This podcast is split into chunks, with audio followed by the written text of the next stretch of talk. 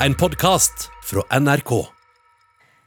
I fjor ga regjeringen grønt lys til å starte bygging av det nye Vikingskiphuset på Bygdøy i Oslo. Nå er alt klart for å starte dette arbeidet, og museet stenger derfor dørene helt igjen for publikum de neste fem årene. Fem år er lenge, så det skaper reaksjoner. Det er kjempeproblematisk, for dette er vårt, på en måte vårt fellesgods. Og det er del av vår historie. I kveld stenger Vikingskipshuset på Bygdøy, og det vil ta fem år før det igjen åpner dørene for publikum. Det faller ikke i god jord hos NRKs kunstkritiker Mona Pale Bjerke. Fem år er kjempemye i barns liv, f.eks. Altså det, er, det, er hele, altså det er hele åreganger som ikke får oppleve vikingtiden i nærkontakt med de unike gjenstandene vi har funnet. Og Det syns jeg er utrolig tragisk og veldig kritikkverdig. Mona Palle Bjerke mener Vikingskipshuset burde sett på andre løsninger.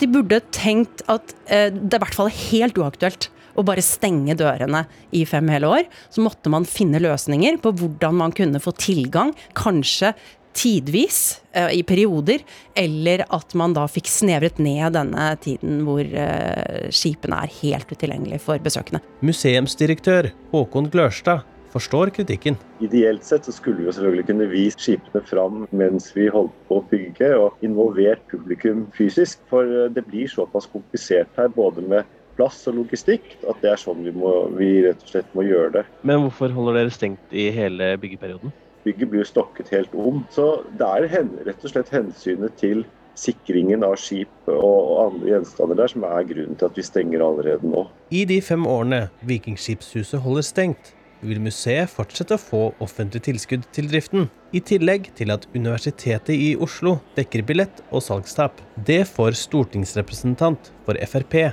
Himanshu Gulati, til å reagere. Eh, altså staten har jo gitt flere hundre millioner kroner ekstra for å bygge dette nye, flotte museet. I tillegg til å få ekstrabevilgninger, holde museet stengt, også skal få de samme driftsmidlene hvert år som man har fått tidligere, det høres egentlig litt spesielt ut. Ja, museumsdirektøren sier eh, Himanshu Gulati må ha misforstått, og at de kun har fått penger til å reise bygget, men at det er Universitetet i Oslo som finansierer det øvrige tapet. Reporter her, det var Jonathan Gåthaug Nilsen. Og nå skal det handle om grønn mote og design, for det er i vinden som aldri før, og flere etablerte aktører slenger seg på. Ikea reparerer brukte møbler, og Sten og Strøm åpna denne uka egen bruktbutikk. Men bidrar egentlig disse tiltakene til miljøet? Jeg har tenkt litt rart hva gjelder farger, for da har jeg tenkt i hodet mitt hvordan jeg skal plassere fargene. Så tenkte jeg liksom ikke på at det, det her kommer til å se ut som en paraply fra siden. Jeg håper med liksom, liksom bånd og stæsj og sånn at det ikke At det blir sånn litt mindre sirkustelt og paraply. da. Og litt kulere. Ja, her hørte vi Ingrid Vik eh, Lysne, og du er med her i Nyhetsmorgen. God morgen. God morgen. Dette er fra da du var med i Symesterskapet her på NRK, men eh, du gjør jo også mye annet. Du er influenser, forfatter og jobber med gjenbruk av klær på mange ulike måter. Og det virker jo som at gjenbruk og grønn mote nå er virkelig på vei inn, også hos etablerte aktører. Hjelper dette miljøet? Jeg vil si ja, at det gjør det. Det er jo mange store aktører som ofte blir anklaget for å grønnvaske, f.eks. når de kommer slike initiativ som det her. Og grønnvasking tenker jeg jo er et begrep som det er viktig å ha med seg og bruke sine kritiske øyne til å analysere om et virksomhet virkelig gjør noe for miljøet eller ikke. Eh, men jeg tenker sånn som Sten og Strøm her, som åpner en ren sånn bruktbutikk og et byttekonsept, eh, det tenker jeg er utelukkende positivt. Mm. Og så er det jo eh, Det er jo for brukte klær, og mange er jo glad i å gå i butikken og finne nye klær, men hva er det som hindrer folk flest i å kjøpe flere brukte klær? Det er nok først og fremst at brukte klær er litt mindre tilgjengelig. Eh, det er mer tidkrevende å finne klær som passer godt brukt, enten du leter på nett eller i bruktbutikker. Eh, så er det jo bare én av hver størrelse, og det gjør jo at man må legge litt mer innsats i det, rett og slett. Og så tror jeg også det henger litt igjen eh, det der at det er skambelagt å kjøpe brukt. Jeg tenker nå at vi har jo en generasjon med 50 pluss nå som har vokst opp sammen med fast fashion, hvor idealet har vært da, å ha nye klær som følger trendene. Og det tror jeg fortsatt sitter liksom godt i oss. ikke bare i 50 pluss, men det har også forplantet seg litt nedover. Men nå ser vi altså en ungdomsgenerasjon som av miljøgrunner er veldig opptatt av å kjøpe nytt, og også kanskje litt som en motreaksjon til fast fashion, at de ønsker å ha en mer kreativ klesstil. Eh, og jeg tror det er i ferd med å spre seg ut i hele befolkningen. Ja, for det er jo mange av oss som elsker å gå i bruktbutikker og finne det ene plagget, men, eh, og gjør det ofte med god samvittighet. Men klesskapet fylles jo, så har vi noen grunn egentlig å være så fornøyde, de av oss som kjøper brukt? Altså Så lenge man kjøper brukt og derfor la være å kjøpe nytt, så kan man ha god samvittighet. For det hjelper ikke hvis du kjøper eh, brukt og så kjøper du like mye nytt igjen. Altså Det å kjøpe brukt eh, skal jo altså For at det skal være miljøvennlig, eh, så må man la være å kjøpe nytt, sånn at man hindrer nyproduksjon. For det er nyproduksjon av klær, og også det at man kvitter seg med klær som har de største miljøbelastningene så får heller klesskapet bare være fullt. Men hva, hva skal vi tenke på for å få ned klesforbruket? Alle av oss. Altså, sånn jeg ser på det, så er det to ting som må gjøres. Det første er at vi må bruke de klærne vi har lenger. Og Det kan jo både skje på individnivå ved at vi beholder klærne vi har lenger og faktisk bruker dem, men det kan også skje på en måte i fellesskap. og Der kommer eh, disse gjenbruksbutikkene og disse store gjenbruksaktørene inn. da, eh, Ved at man sammen kan bruke opp et plagg. Det spiller jo ingen rolle om jeg har brukt en blazer i 20 år, eller om vi er tre stykker som har brukt den blazeren i 20 år, hvis plagget har blitt brukt helt opp da, til det ikke er mer igjen av det. Mm, til det bare er filler igjen. Men, ja. men eh, tror du at eh, det vi ser nå, som var nevnt tidligere i denne praten, altså tror du det er flere store aktører nå i klesbransjen f.eks. som kommer til å legge opp til mer gjenbruk framover? Det tror jeg, og det håper jeg. Det ser vi jo allerede. Både sånn som Sten og Strøm her, som har eh, gitt rom, bokstavelig talt, til en ren gjenbruksbutikk. Men også aktører som allerede driver med nye klær, som begynner med egne gjenbrukskonsepter. Og det håper jeg kommer, det kommer til å komme mer av, fordi det er noe vi trenger inn i den grønne framtiden vi skal gå inn i. Og så håper jeg også, når jeg sitter nå med litt sånn klump i magen, og håper at disse aktørene som starter med gjenbruk, faktisk klarer å tjene penger på det. Eh, fordi nå eh, tror jeg det er litt sånn, mange som gjør det litt for å vise eh, samfunnsengasjement, og også litt for å teste det ut. Men for at det skal bli noe langvarig, så må også det gå an å tjene penger på gjenbruk. Og for dem som sitter og hører eller ser på dette her nå og tenker at ah, jeg har aldri lyst til å kjøpe brukt, hvilken oppfordring har du til dem? Da har jeg egentlig bare oppfordring å kaste seg ut i det og prøve. Kanskje finne den type butikk eller det type sted å handle som appellerer til deg. Noen elsker å gå på skattejakt, og da vil butikker som Fretex f.eks. være helt ideelt. Mens andre liker at det er liksom mer plukket ut. Og da kan det finnes mer kuraterte butikker, eller kanskje man kan søke på ulike merker på bruktapper eh, for å finne akkurat det man vil ha. Hva er det største bruktkuppet du har gjort, da? Ah, det er vanskelig. Eh, jeg har skapet fullt, men eh, jeg har en eh, turkis poncho med noen sånne pelspompommer på, som jeg er veldig glad i. Og den fins det garantert bare én av, da. Ingrid Vik Lysne, takk for at du var med i Nyhetsmorgen.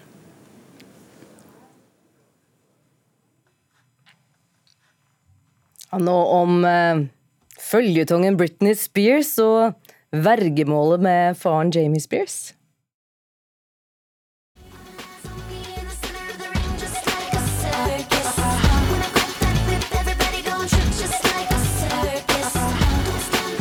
Like a Circus, den amerikanske popstjernen Britney Spears, skal altså ikke lenger ha faren som eh, verge. Det er bestemt i et rettsmøte i Los Angeles, og faren, Jamie Spears, har vært eh, verge i 13 eh, år, delvis mot popstjernens vilje. Hun, hun ønsket å kvitte seg med faren som verge. Britney Spears' advokat Matthew Rosengart sa dette utenfor rettsbygningen etter at kjennelsen var klar. In terms of what happened today, I'm so pleased and proud to say Jamie Spears is no longer a conservator.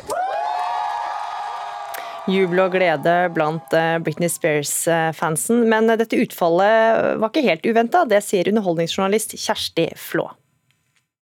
Jeg tror kanskje ikke det som skjedde i dag var så overraskende som det som skjedde under forrige høring. Eh, men selvfølgelig, alle de samme Britney-fansen og Free Britney-movementen var jo på plass utenfor rettsbygget igjen og jublet, som du hørte i innslaget her.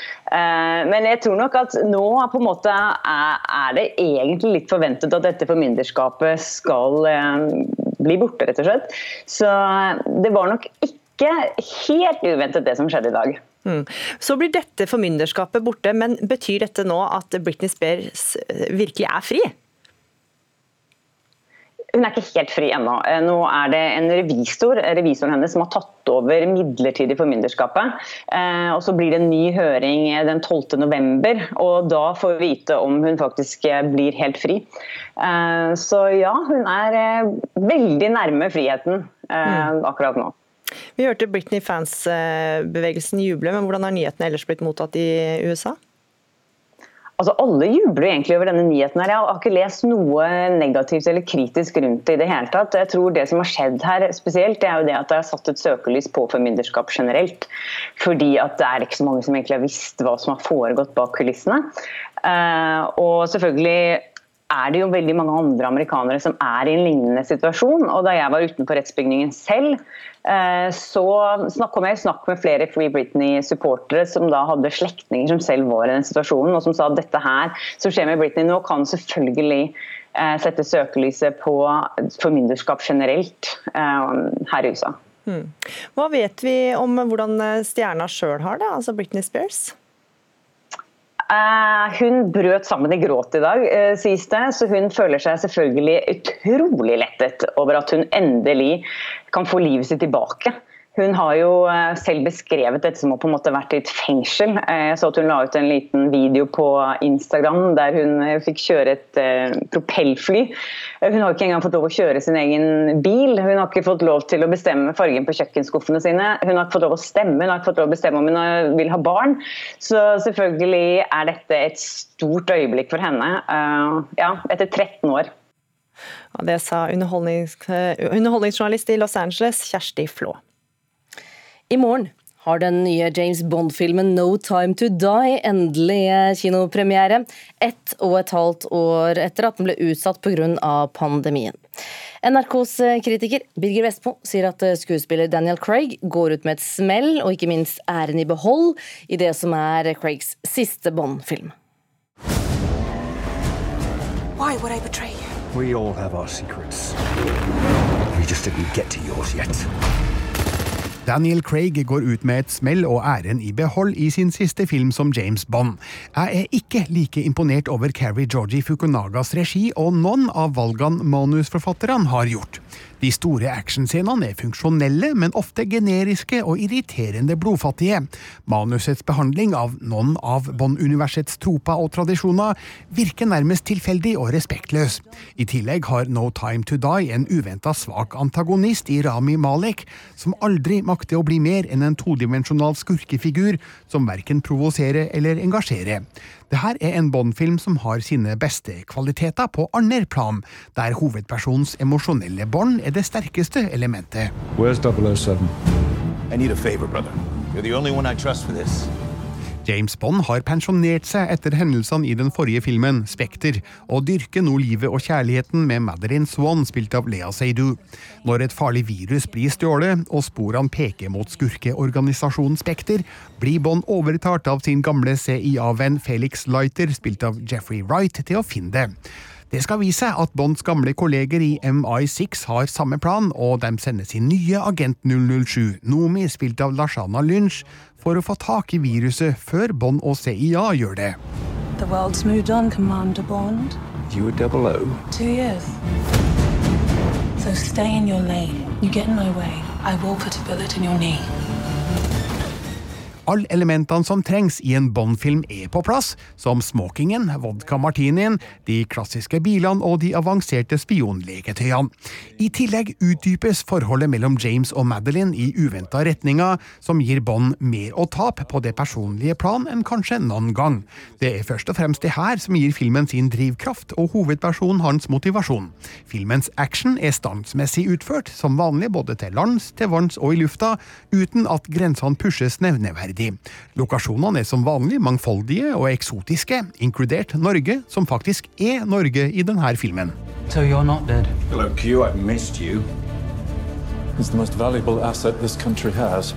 If you feel yourself losing control, I'm not going to lose Manusforfatterne Neil Purvis, Robert Wade, Carrie Georgie Fukunaga og Phoebe Waller-Bridge har truffet skummelt godt med historiens virustematikk, sjøl om alt ble skrevet og filma før pandemien. Jeg tror imidlertid at noen av deres andre valg kan diskuteres ganske heftig, uten at noe av det skal avsløres her. Det er likevel ingen tvil om at No Time To Die gir Daniel Craig en minneverdig utgang i rollen som filmhistoriens største og viktigste agenthelt. Name? Bond. James Bond. Terningkast fire. Ja, det var det vår anmelder Birger Vestmo som, eh, som trillet. Du kan lese hele anmeldelsen av eh, James Bond No Time To Die på nrk.no anmeldelser.